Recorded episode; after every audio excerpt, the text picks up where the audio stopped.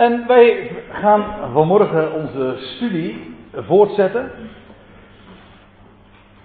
over de vrucht van de geest. Gelaten 5 vers 22 is het centrale thema waar die uitdrukking voorkomt en een vijftal bijeenkomsten zijn ervoor gereserveerd om dat eens wat uit te spitten en daarbij zullen we vooral ons bepalen bij de gelaten brief. Daar komt die uitdrukking voor.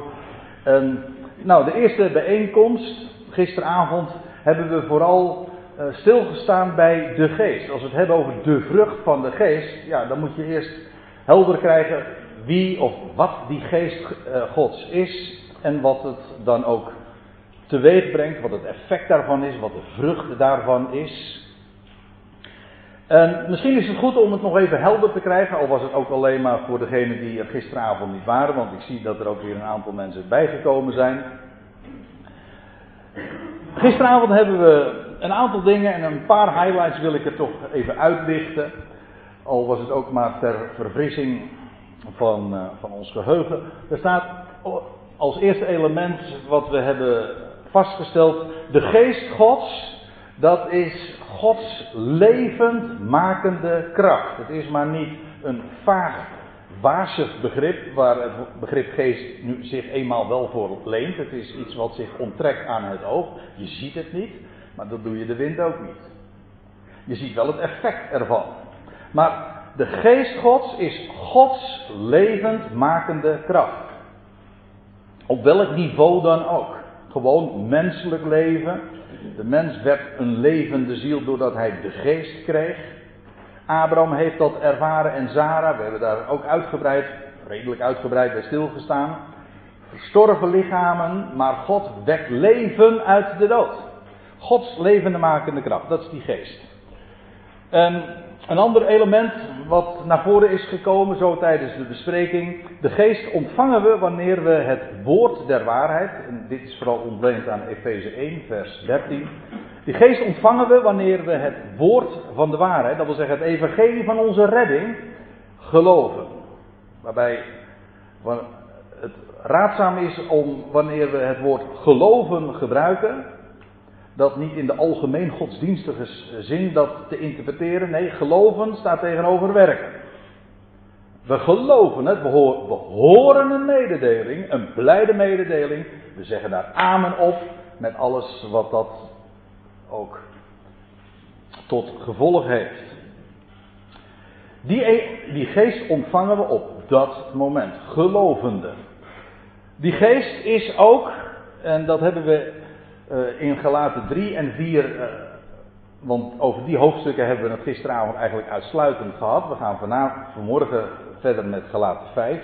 Maar in Galaten 3 en 4 is die geest ook een min of meer synoniem begrip voor de belofte van God.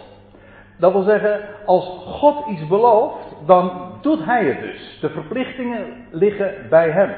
Belofte maakt schuld. Hij belooft, hij is het verschuldigd. Dat klinkt misschien wat vreemd. Maar dat is wat nu eenmaal eigen is aan een belofte. Hij belooft, hij doet het ook. Dat is in feite ook Gods gerechtigheid. God, doet, God belooft iets en God doet recht aan zijn woord. En dus vervult hij het.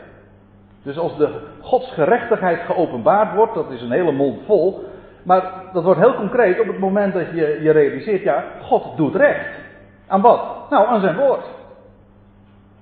En als het een belofte was, dan kan dat maar op één manier, namelijk hij vervult, hij realiseert dat wat hij aangekondigd of beloofd of tevoren gezegd heeft.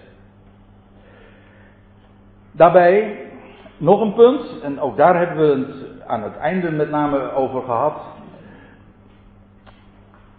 De geest heeft alles te maken met, inderdaad, met de belofte, want wat lazen we van Isaac? Hij was naar de geest verwekt. Dat betekent, het was Gods kracht die dat bewerkte.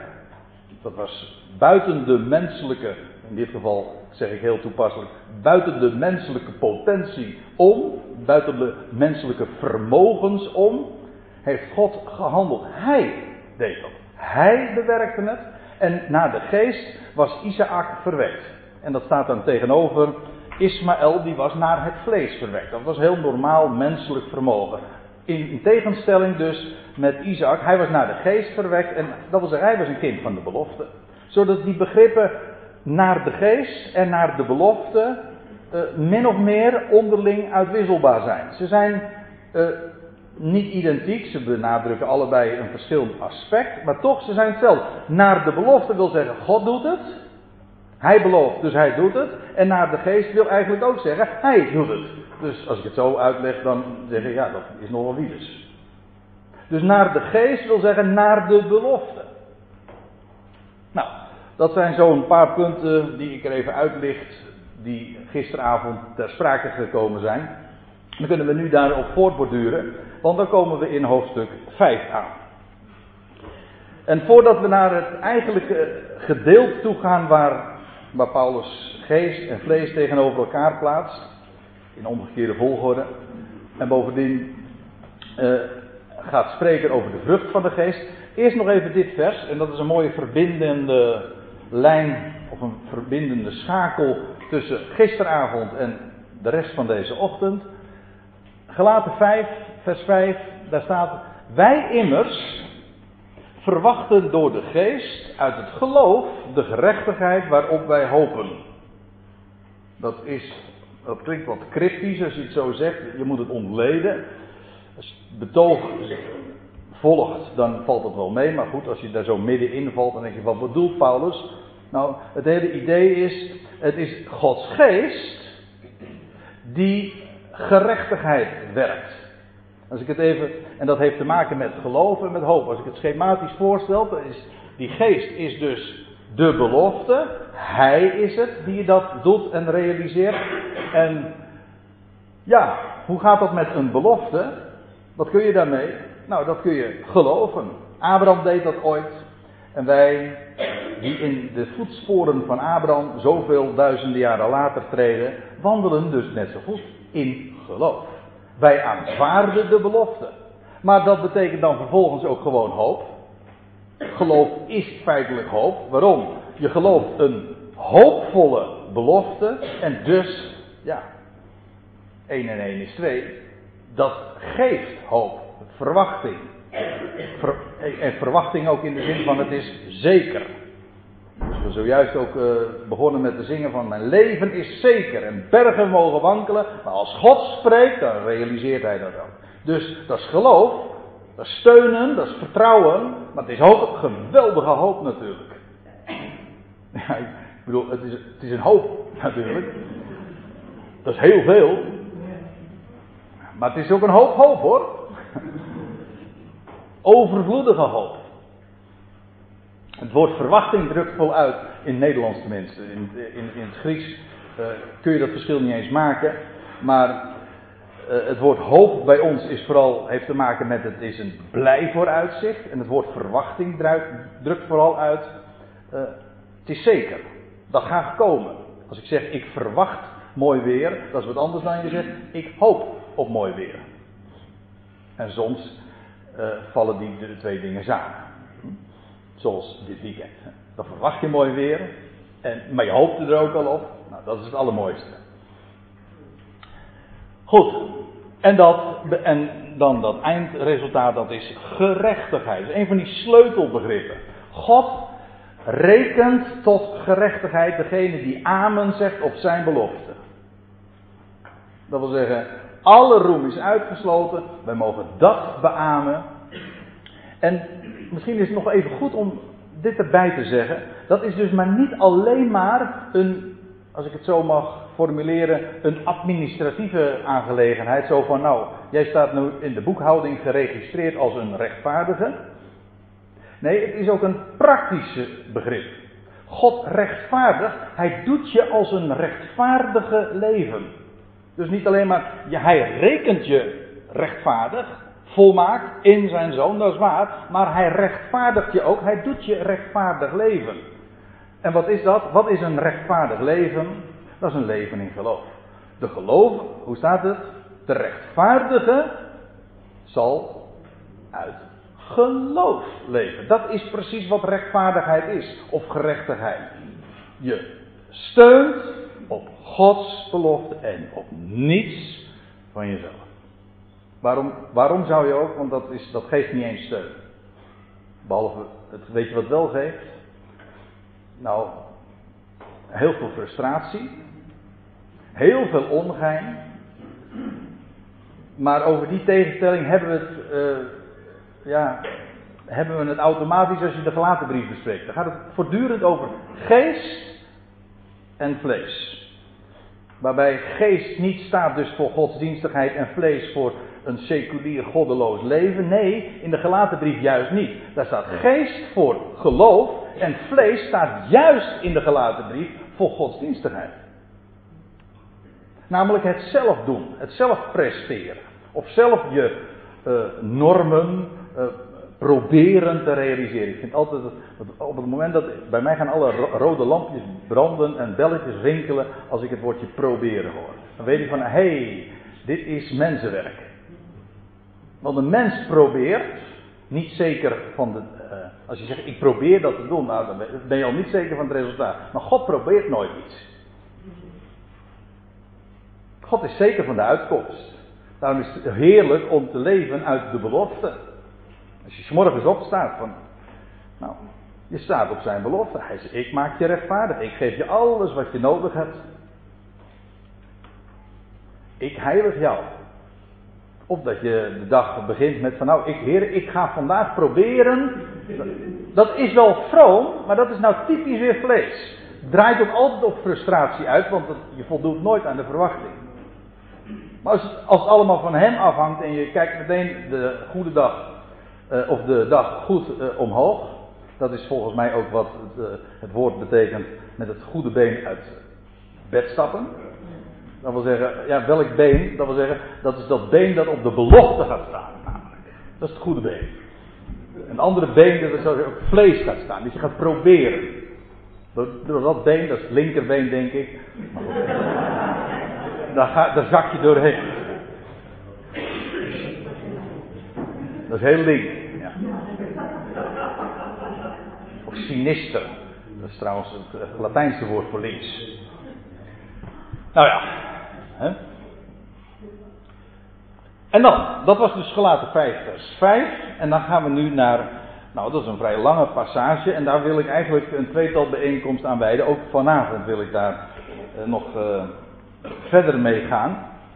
We komen dus maar halverwege dat gedeelte. Laten we dat maar eens gewoon lezen. Paulus begint daar, in mijn Bijbeltje is dat ook de aanvang van een nieuwe passage. Laat ik het meteen even opslaan.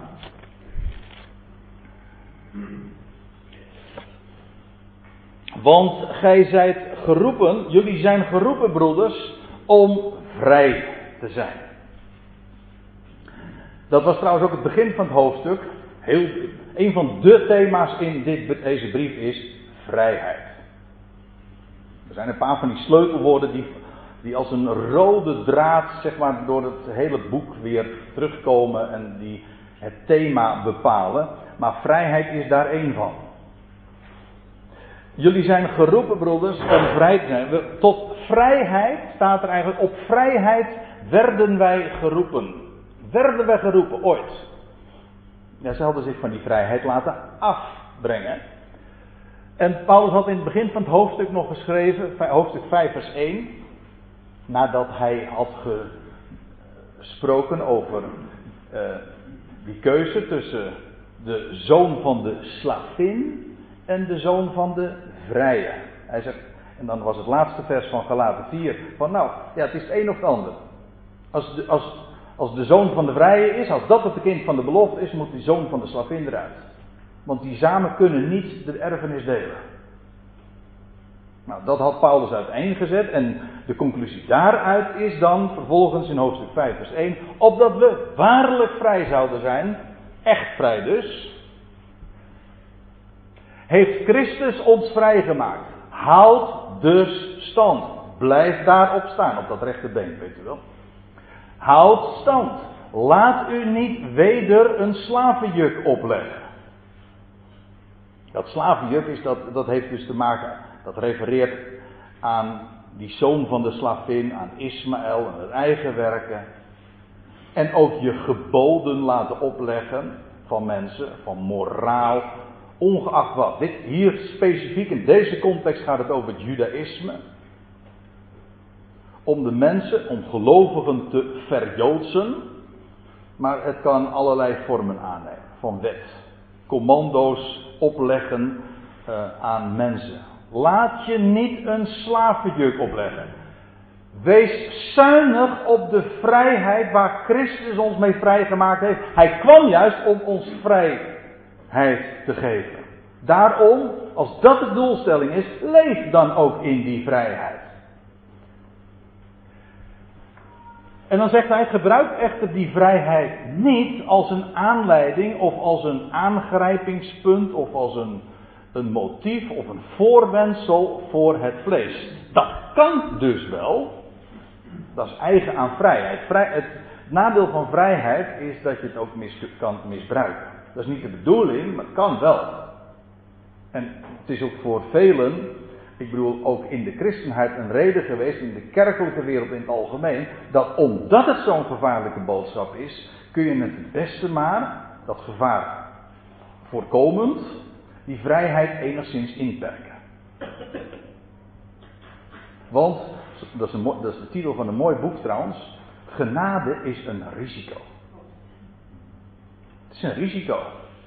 En wil je het risico nemen, omdat mensen het misbruiken, hebben mensen, hebben predikers het, dat als excuus gebruikt om dus die genade en die vrijheid maar niet te prediken. Want ja, mensen kunnen ermee aan de haal gaan. Dat is waar, dat is niet de bedoeling, maar het kan wel. Nou, wat Paulus hier zegt, gebruikt die vrijheid uiteraard niet als een aanleiding of als een aangrijpingspunt voor het vlees, maar dient elkaar, dat is leuk, want het woordje, dat komt niet zo uit de verf in onze vertaling, maar het woord wat hij hier gebruikt is dat het woord voor slaaf. Wees een slaaf. Maar dan wel door de liefde. Jullie willen een slaaf zijn? Nou, zegt Paulus, ik heb een heel mooi alternatief. Wees een slaaf dan door de liefde. En daarmee kom ik precies op het punt wat ik vanmorgen wil maken.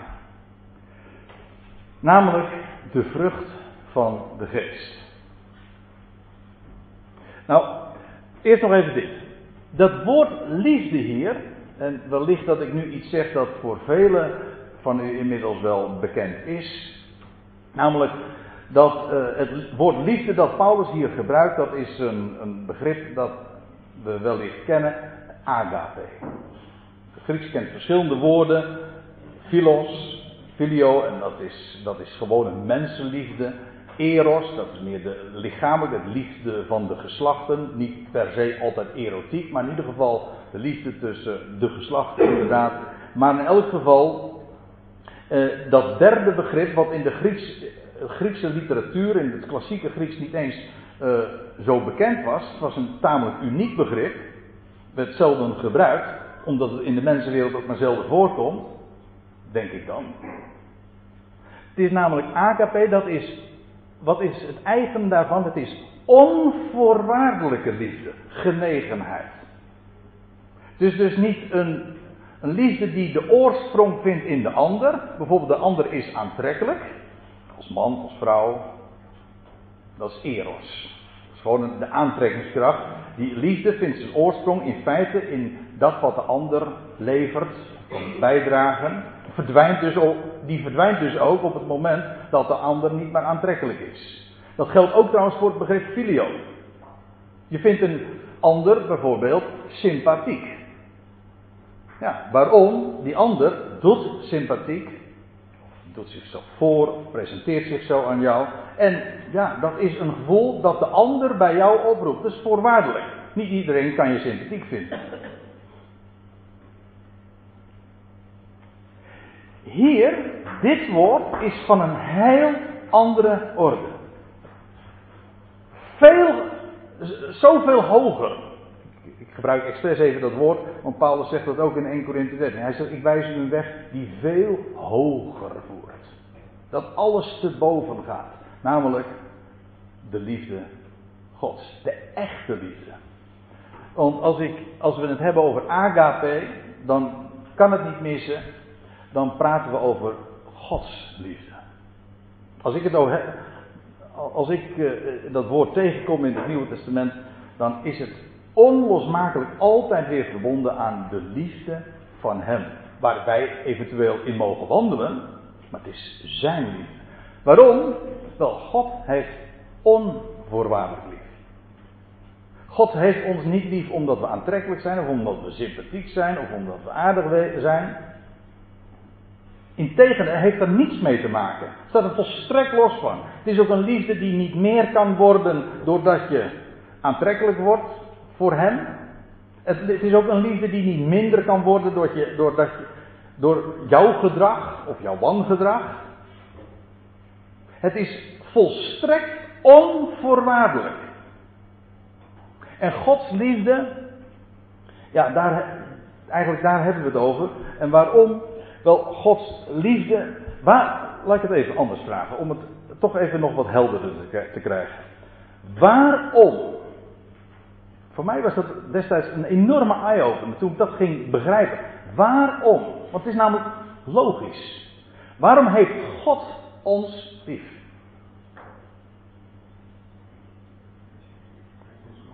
Ja, dat is de reden die ik uh, kan bedenken. Waarom heeft God ons lief? Onvoorwaardelijk. Hij heeft ons gemaakt. Hij heeft ons bedacht. Hij heeft ons gemaakt. Ongetwijfeld omdat hij God is, ook met een bedoeling. Daarom heeft hij ons lief. We zijn maaksel van zijn handen. Daarom vind ik het ook zo mooi dat uh, kerkdiensten, ik ben helemaal niet zo kerks uh, meer, moet ik zeggen. Maar kerkdiensten, reformatorische kerken, beginnen doorgaans met deze woorden. Schitterend! Dat, eigenlijk zou je zeggen, als je dat uitgesproken kan het dan niet meer misgaan. Dat is trouwens niet helemaal waar wat ik nou zeg.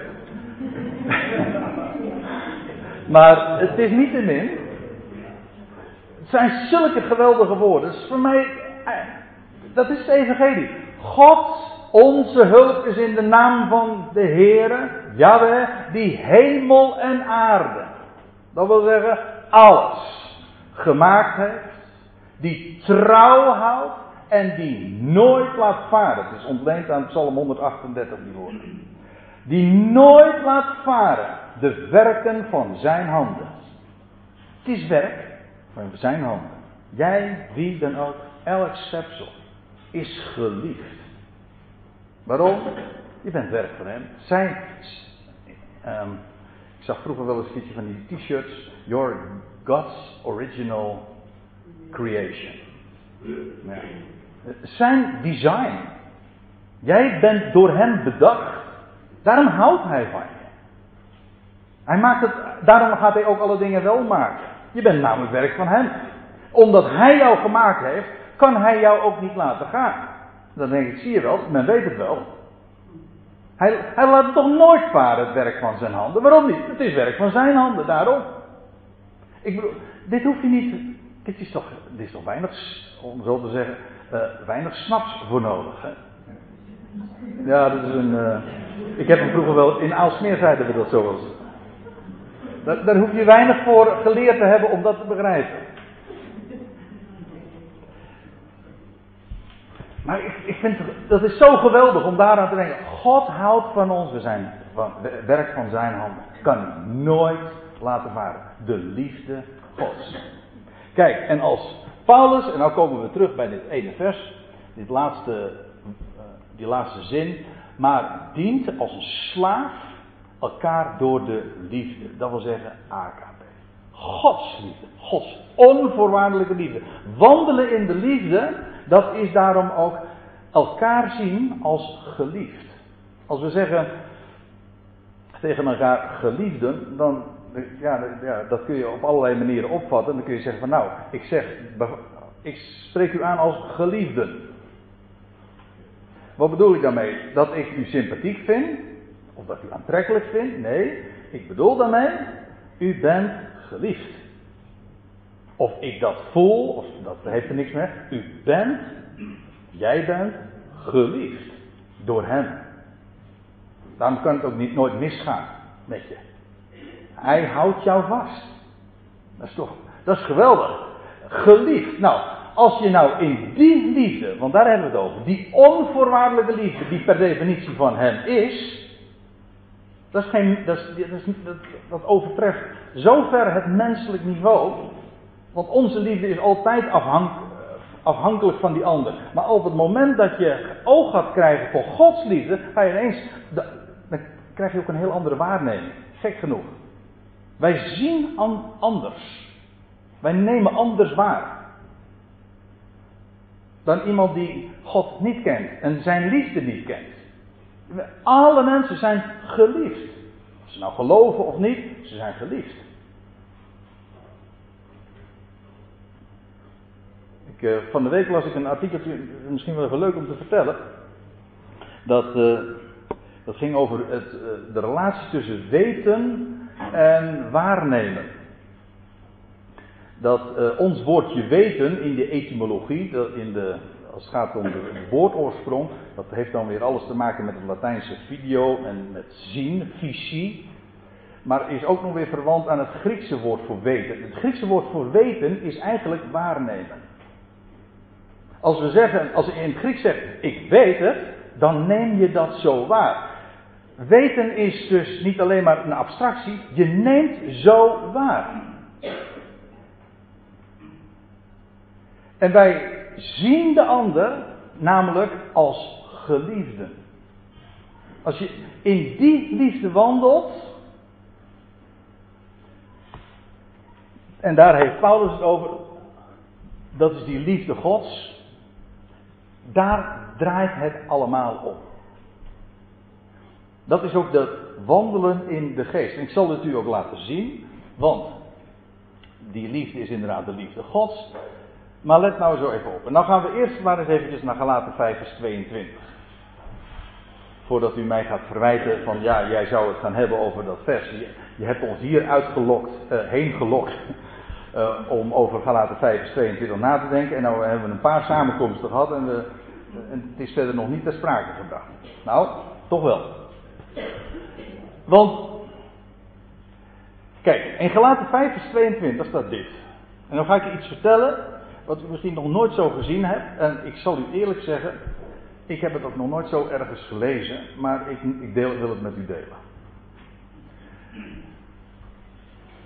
Er staat in Galaten 5 vers 22, maar de vrucht van de geest is liefde, blijdschap, vrede, langmoedigheid, vriendelijkheid, goedheid, trouw, zachtmoedigheid, zelfbeheersing. Door deze weergave, door deze, dat heet met een mooi woord, interpunctie, eh, wordt er een, mijn zinziens, verkeerde indruk gewekt. Namelijk alsof het hier gaat over de vrucht eh, met, met negen kenmerken. Ik geloof dat niet. Het is niet, er staat niet, want eigenlijk is het vreemd, er zou hier moeten staan, zou je zeggen, de vruchten van de geest zijn liefde, blijdschap, vrede. Nee, dat staat er niet. De vrucht, enkelvoud, van de geest is, enkelvoud, liefde. Dan zou je dus gewoon een punt moeten zetten. De vrucht van de geest is liefde. En er staat ook een punt, alleen aan een dubbele punt, als u het mij vraagt. Dan krijg je dus dit. De vrucht van de geest is liefde. Namelijk de liefde Gods, agape. Wat is de vrucht van de geest? Liefde. Waarna vervolgens de vraag komt: ja, wat is liefde dan? Wat is die vrucht van de geest? Ja, liefde, maar zo wat? Of nee, niet zo wat, maar hoe dan wel? Wel, liefde is blijdschap, vrede, langmoedigheid enzovoorts. Acht stuks. Ik kom daar trouwens morgen nog even op, op terug, morgenochtend, over de symboliek daar dan ongeveer van. Maar even dit.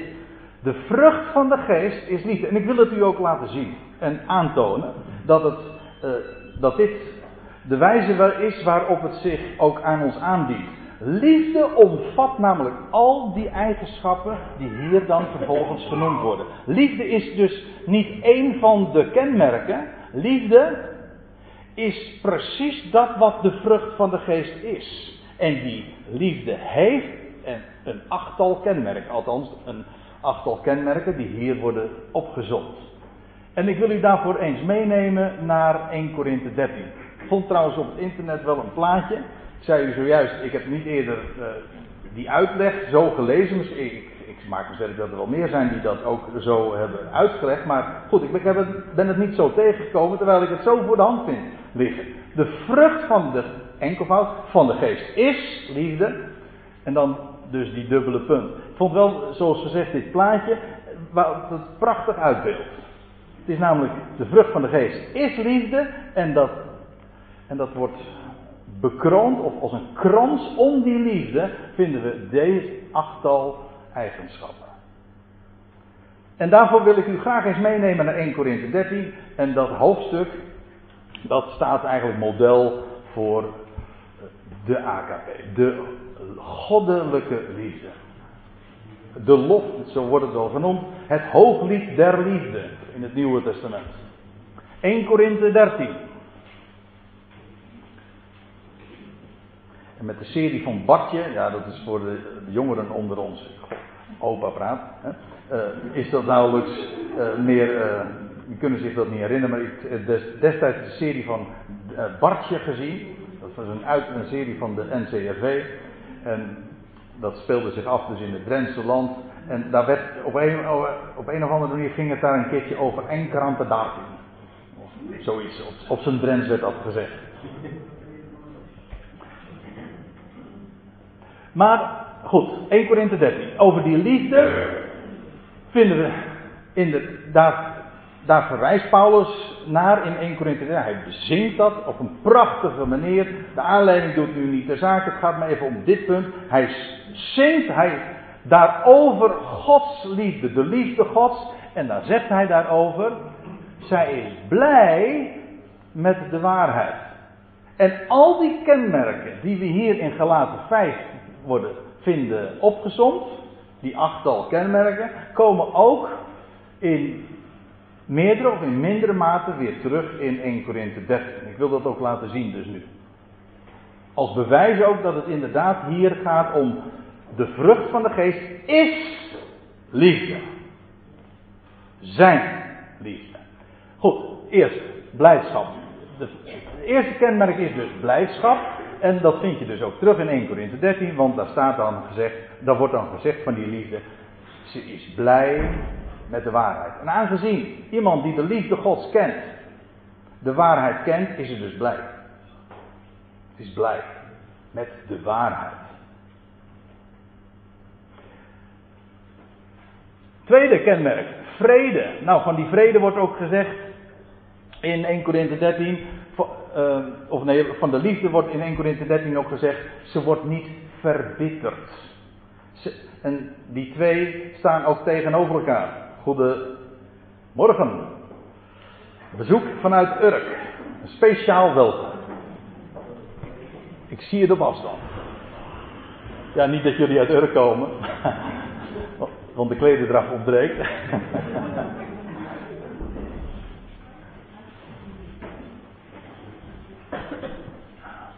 Zo. Komt als laatste binnen en de meest luxe stoel nog ook. Hè? Doe maar.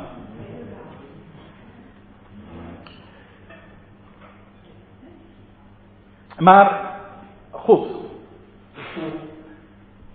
De vrucht van de geest is liefde, eerste kenmerk blijdschap, maar ook vrede. En dat staat tegenover verbittering. Iemand die bitter is, die heeft innerlijke onvrede. In een zelfs um, hele ernstige vorm moet ik zeggen. Als je eenmaal verbitterd raakt, dat is een hele ernstige vorm van onvrede. Maar ook uh, Gods liefde kan dat ook genezen.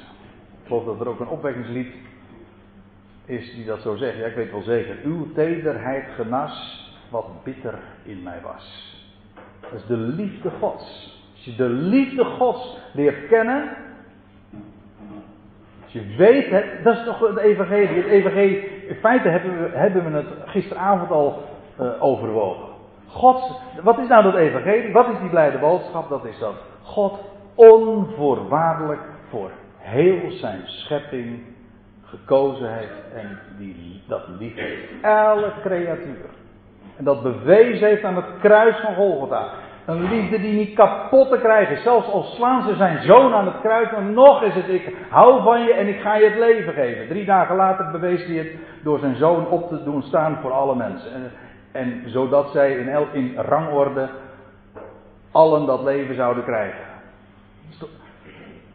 Dus de liefde Gods. Het evangelie kennen, dat is niks anders dan, het, dan de liefde Gods kennen. Nou, die liefde wordt niet verbitterd. Bitterheid heeft ook te maken met, het, met, de, met de gedachte dat, dat de dingen niet goed gaan en ook niet goed komen.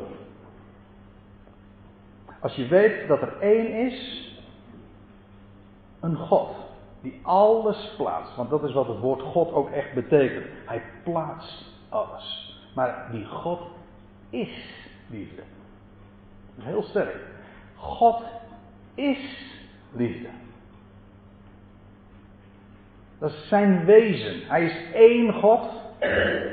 Hij maakt liefde, het klinkt filosofisch misschien als ik het zo zeg, maar liefde is eigenlijk ook niks anders dan de drang naar eenheid. Alles is uit één, bestaat door één, maar alles is ook weer tot één. Uit hem, door hem, tot hem zijn alle dingen. God is één en daarom is hij ook liefde. Ik moet er ineens aan denken, nou ja, ik kan het nog wel even zeggen. Uh, ik moet er eens aan denken dat het woord liefde in het Hebreeuws, dat is ahava, dat heeft als getalswaarde 13. Dan zeggen wij, het is een ongeluksgetal. Nee, nee, ja in de wereld. Voor ons juist niet. Heeft ons de dertiende apostel al ook geleerd, hè? om zo te zeggen. Maar 13, dat is getalswaarde voor het woord, uh, van het woord liefde, ahava. Maar het is ook de getalswaarde van het woord echad, één. God is één, God is liefde. Die twee hebben alles met elkaar te maken. Als je die liefde kent, word je niet verbitterd. Gaan we verder. Langmoedigheid. Nou, dat is een van de eerste dingen die in 1 Corinthië 13 over die liefde ook gezegd wordt.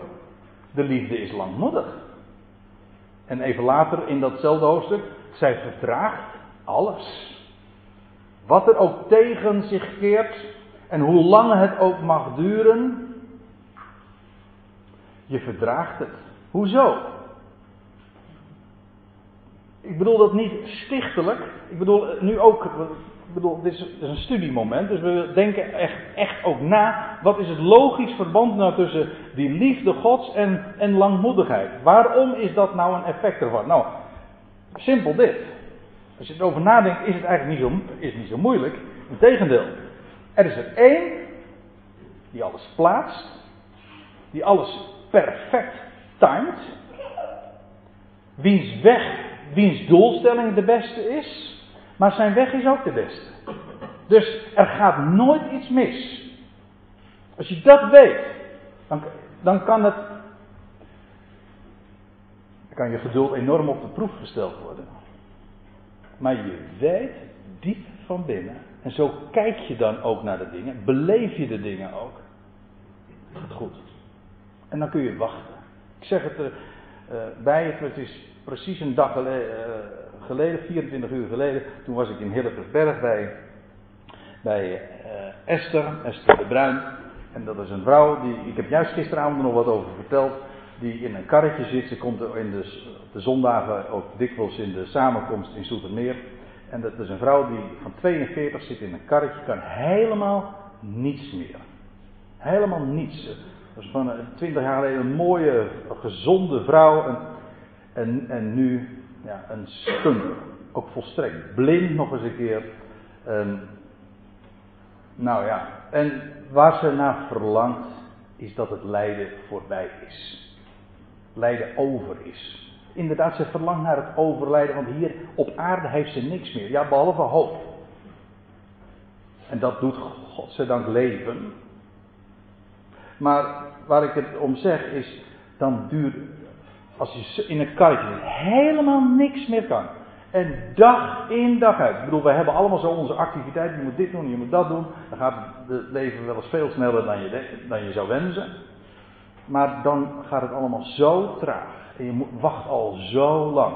Er is niets meer, geen, geen show dat het leven nog geeft. Of plezier in eten of drinken. Je kan niet eens een stukje brood naar de mond brengen. Helemaal niets. Je kan het niet eens goed verwerken en slikken. Ze laat alles ook maar lopen. Het is echt zo ontluisterend. Maar dan te weten, is, dat is maar niet een luxe. Het is een noodzaak om überhaupt te kunnen leven. Te weten, er is één ik begrijp er misschien geen ene, als ik het plat mag zeggen, geen donder van. Hoe God zich dat kan permitteren om dat te doen. Maar je weet, het is vertrouwen. Er is één die mij niet meer geeft, meer leed geeft dan nodig is in zijn weg. En de heerlijkheid zal overeenkomstig zijn. Ik wel uh, vind ik altijd mooi geformuleerd. Het dal is nooit dieper dan dat de berg hoog is. Of omgekeerd, de berg is zo, de berg is zo hoog als dat het dal diep is. Het dal is vreselijk diep, maar de, de hoogte zal des te hoger zijn. Precies wat Paulus in Romeinen 8 zegt. Het lijden van de tegenwoordige tijd, de heerlijkheid die geopenbaard gaat worden. Nou, dit die langmoedigheid, het geduld opbrengen. Dat kan alleen, ook logisch, maar daarmee ook in de beleving, als je weet, er is er één die plaatst. Ik zeg niet dat het makkelijk is, die vrucht van de geest, misschien mag ik daar al alvast even wat van zeggen, die vrucht van de geest is ook niet, uh, het is geen werk van ons, dat is waar. Het is geen mensenwerk, maar het is wel iets wat zich ontwikkelt. En het ontwikkelt zich juist, het komt juist uit de verf wanneer je uh, lang moet wachten. Ja, wanneer, komt, wanneer kun je nu geduld uh, oefenen? Of wanneer komt geduld nou uit de verf? Niet wanneer je iets verlangt en je krijgt het ook meteen. Geduld komt uit de verf op het moment dat je moet wachten langer dan je lief is. Ik denk wel eens een keer, wij leven nu in een tijd waar we zo, waar alles zo uh, op commando haast uh, ons gegeven wordt. Je bestelt iets en morgen is het er en uh, je hebt een bepaalde behoefte en alles kan zomaar direct geleverd worden. Geduld oefenen, dat komt er nauwelijks meer bij. Ja, tot dat, denk ik wel eens. En dan gaan dagen en weken soms heel lang duren. Langmoedigheid. Dat kan wanneer je de liefde Gods kent. Er is één die beste met me voor heeft, wiens weg ook de beste is. Vriendelijkheid. Dit woord trouwens, ja, dat is exact hetzelfde als wat we in uh, 1 Korinthe 13 tegenkomen, alleen wordt het dan in de MBG-vertaling althans weergegeven met goede tieren. We komen dat dus, dat woord vriendelijkheid in Galaten 5 vers 22. Hey, er staat hier een verkeerd vers, zie ik nu ineens. Maar in ieder geval in Galaten 5 vers 22, dat is hetzelfde als het woord goede tieren in 1 Korinthe 13. Dus als hier staat de, liefde, de vrucht van de geest is liefde. En wat is die liefde? Nou, deze eigenschappen. En dat klopt ook. Die vriendelijkheid, die komen we weer tegen in 1 Korinthe 13. De liefde is goede tieren. Tiert in zijn goedheid. Het wil, het wil goedheid geven. Uh, nou ja, als ik het er zo over heb. Het komt heel dicht bij dit begrip. Het heeft te maken met uh, dat zie je dan ook vooral in de tegenstelling, is niet afgunstig. Ze heeft het goede voor de ander op het oog. Ze is er ook niet op uit om de ander te kwetsen of te vernederen. Goedheid. Je ziet zo die, de eigenschappen of de, de relatie tussen beiden. Dat ligt er vrij dik bovenop. En dan trouw. Zoals God trouw is aan zijn woord, hij spreekt en hij doet en hij vervult wat hij zegt. Maar ook, ondanks alles, ondanks alles wat een ander doet of zegt, dan staat er in 1 Corinthië 13, alles bedekt zij, alles gelooft zij. Ondanks wat de ander doet, ze bedekt dat. Ze is trouw aan die ander. Zachtmoedigheid. Dat heeft te maken met Ehm, met mildheid. De, de liefde praalt niet. Ze is niet opgeblazen. Ze verheft zich niet boven de ander. We komen hier nog trouwens wel, uh, wel even op terug wanneer we echt bij de bespreking van Galaten 5 vers 22 arriveren. Maar ik noem het hier alleen maar om de connectie tussen dit vers van Galaten 5 vers 22 en 1 Korinthe 13 te laten zien. Liefde omvat al die eigenschappen en tenslotte nog zelfbeheersing. Nou, er staat van die liefde, zij zoekt zichzelf niet. En ik had het zojuist over de NCRV, maar ik weet ook nog dat zij destijds een serie hadden. Een of andere liefdadigheidsactie. En dat heette 4 maal ZN. En dat was hierop gebaseerd. Zij zoekt zichzelf niet. 4 maal ZN. Zelfbeheersing, je houdt je in. Dat woord zelfbeheersing, dat is, betekent letterlijk ook inhouden. Je houdt je in, waarom? Dat is niet zo moeilijk. Dat is niet vanwege, van, vanuit uh, moraal, uh, moralistische overwegingen. Nee, je, bent, je ziet die ander als geliefd. En ten behoeve van die ander houd jij je in. Hoe kan dat? Wel, liefde zoekt zichzelf niet. God is uit op de ander. Heel zijn schepping. Zij zoekt zichzelf niet. Zodat, en dat is het bewijs wat ik daarmee hoop, heb, hoop te hebben geleverd, dat als hier staat in Galaten 5 vers 22, de vrucht van de geest is liefde, dan omvat dat inderdaad, zoals 1 Korinthe 13 dat daadwerkelijk ook laat zien, al die eigenschappen die hier worden beschreven. Zodat liefde niet in dit rijtje hoort, het is juist een beschrijving van wat liefde is, namelijk de liefde Gods. Zodat je feitelijk zou kunnen zeggen dat als we het dit weekend hebben over de vrucht van de geest, zou je net zo goed kunnen zeggen, we hebben het dit weekend over de liefde. Namelijk de liefde Gods. En wat die liefde Gods is. En ook uitwerkt wat de vrucht daarvan is. Want het is aan de ene kant zijn liefde. Maar het is ook de reflectie van zijn liefde. Ja, de, de reflectie van zijn liefde. Als wij hem lief hebben. Dat staat in 1 Johannes 4 ook. Wij hebben lief, waarom? Omdat Hij ons eerst heeft lief gehad. Op het moment dat je besef krijgt van Zijn liefde, dan zul je diezelfde liefde ook gaan reflecteren. Als, als een reflector. Ik wilde op nog een ander vers wijzen in dit verband. Dat is Romeinen 5, vers 5. Eerst over Galaten 5, vers 5. Nu Romeinen 5, vers 5. En dan lees je. En de hoop maakt niet beschaamd. Waarom niet? Wel, God vervult wat hij belooft.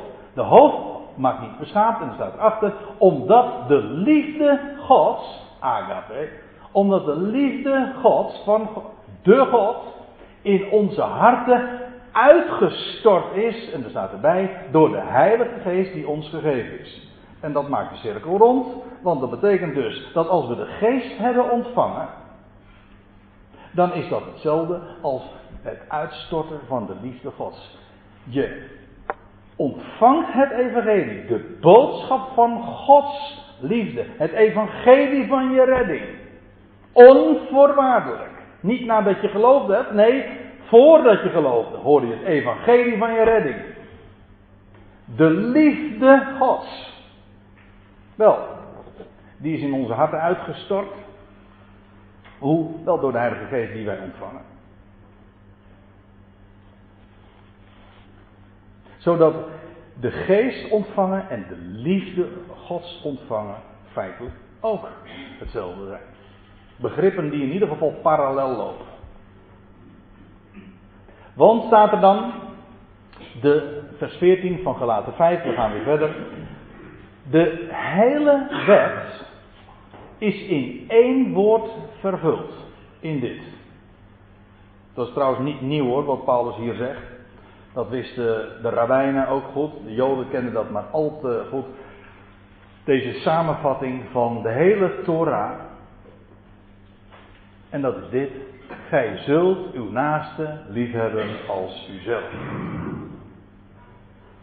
En dat is de Torah.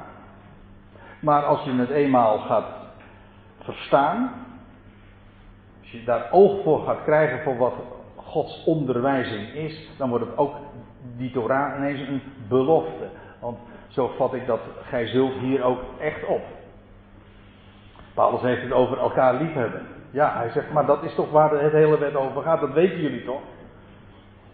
Jullie, zijn, jullie laten je voorstaan op de Torah, maar de hele Torah gaat er toch juist om, om liefhebben. En dan, let op, gij zult. Wat trouwens een, strikt grammaticaal gesproken, een toekomstige vorm is. Jullie zullen. Zoals uh, gezegd wordt tegen Maria, gij zult zwanger worden. Dat is niet, jij moet zwanger worden. Of gij zult rust vinden voor uw zielen.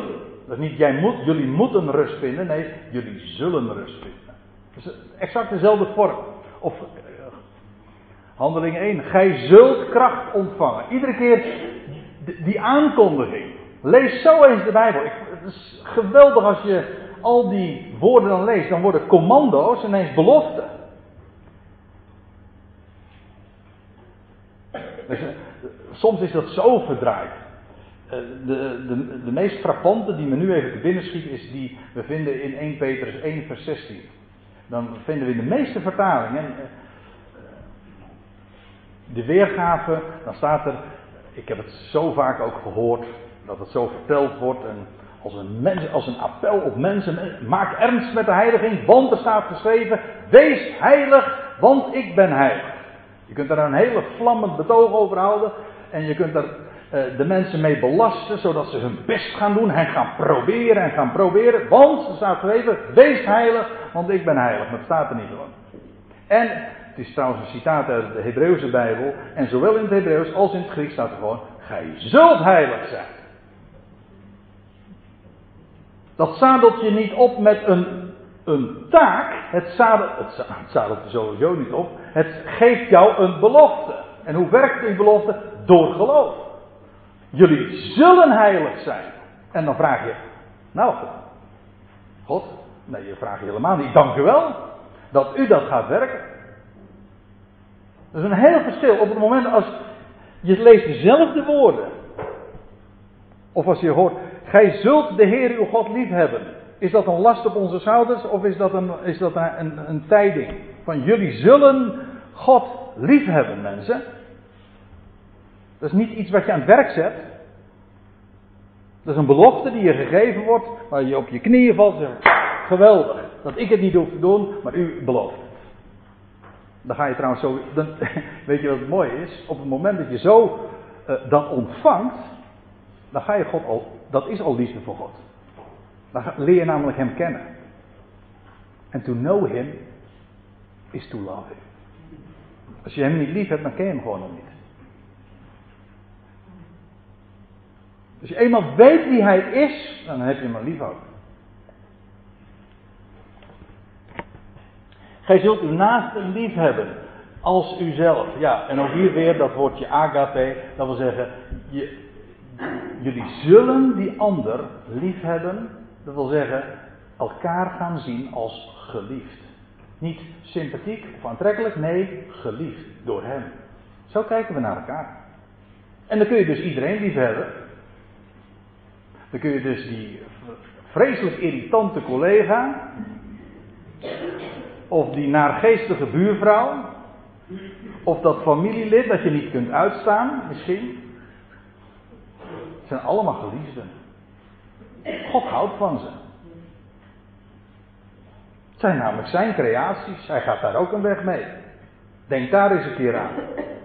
Kijk, wij, wij baseren ons gedrag vaak gewoon op onze eigen affecties en gevoelens. En daar is niks mis mee. Ik bedoel, dat, zo werkt dat nu een keer. Maar Bekijk eens vanaf een hoger standpunt. Laat je op de hoogte brengen. Laat je op de hoogte brengen.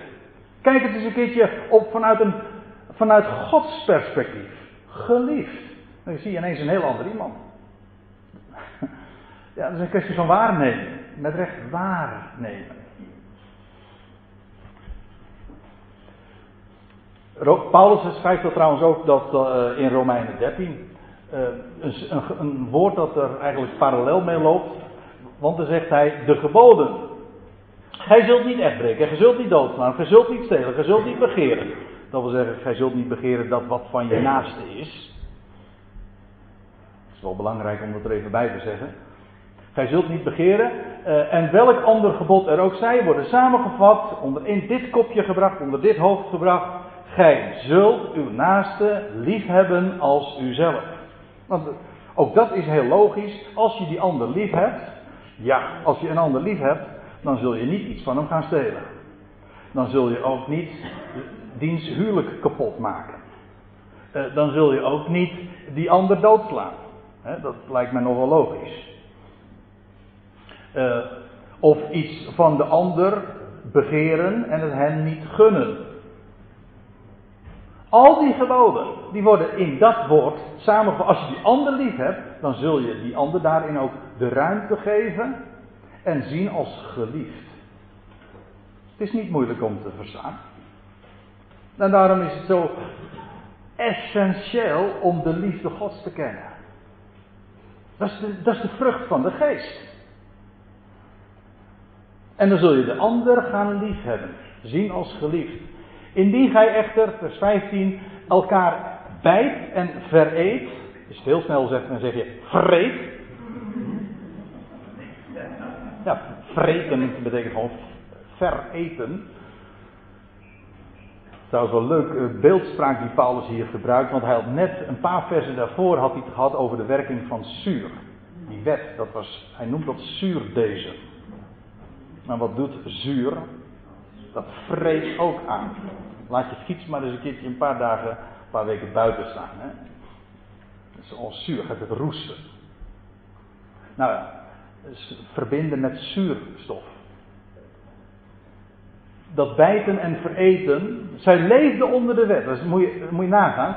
Die mensen daar in Galatië waren zo ingepakt door een boodschap, betoverd, behekst door een boodschap van leven onder de wet. En weet je wat het resultaat was? Men, men, men bijt, men, hoe moet je dat nou zeggen? Men beet eh, op elkaar en vrat elkaar op. Het resulteert niet in liefde. Integendeel, die wet prikkelt slechts de zonde. De wet maakt zonde aantrekkelijk.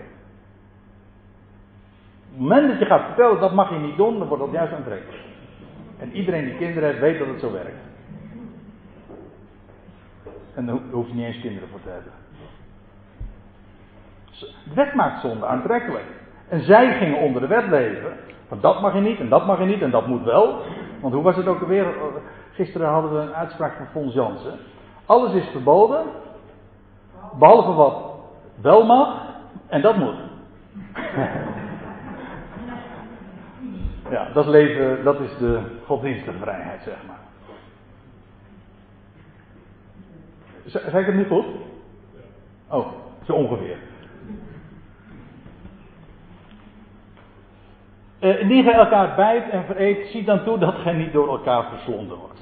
Ja, daar kwam het echt op neer. Dat is een beetje een cynische understatement. Dat is het resultaat van onder de wet staan. En dan zegt Paulus er nog bij: Dit bedoel ik, of eigenlijk dit zeg ik, wandelt door de geest. maar dat hadden we eigenlijk zelf al ook vastgesteld. Want de vrucht van de geest is liefde. Dat is het exact hetzelfde. Liefde is de vrucht van de geest. En nu zegt hij, hij had net gezegd van wandel in de liefde, want dat is de vervulling van de wet. En nou zegt hij, dit zeg ik, dit bedoel ik, wandel door de geest. Dus we worden hier gewoon ook inderdaad bevestigd in de conclusie die we op voorhand hadden getrokken. Wandel door de geest. Dat wil zeggen ook naar de belofte. Hij doet het. En voldoet niet aan het begeren van het vlees. Dat woord voldoen, dat is eigenlijk wel een heel mooi woord, alles moet je het wel letterlijk opvatten. Namelijk in de zin van, dat woord wat er gebruikt wordt, dat wordt elders vertaald met eh, geëindigd hebben of voleindigen. Voleindigt niet het begeren van het vlees. Het wil niet zeggen dat elk, elk impuls die het vlees geeft, per definitie verkeerd is. Maar het is niet je leidraad. Ik bedoel, als je zegt, um, als, we, als het straks een uur of één is en je zegt ik heb honger, dat is een impuls van het vlees. Daar lijkt mij weinig mis mee. Zeker niet met zo'n keukenstaf, hè. dat mag ook wel eens gezegd worden. Nee, maar ik bedoel, dat is, dat is gewoon een signaal van, uh, van je lichaam. Luisteren naar het lichaam, zeggen we dan. Ja, maar leven door de geest, dat is niet je vlees als leidraad hebben. Je hebt een heel, op een hoger niveau denk je. Namelijk, je leeft uit zijn belofte. Je kent de liefde Gods. En dan zoek je jezelf niet.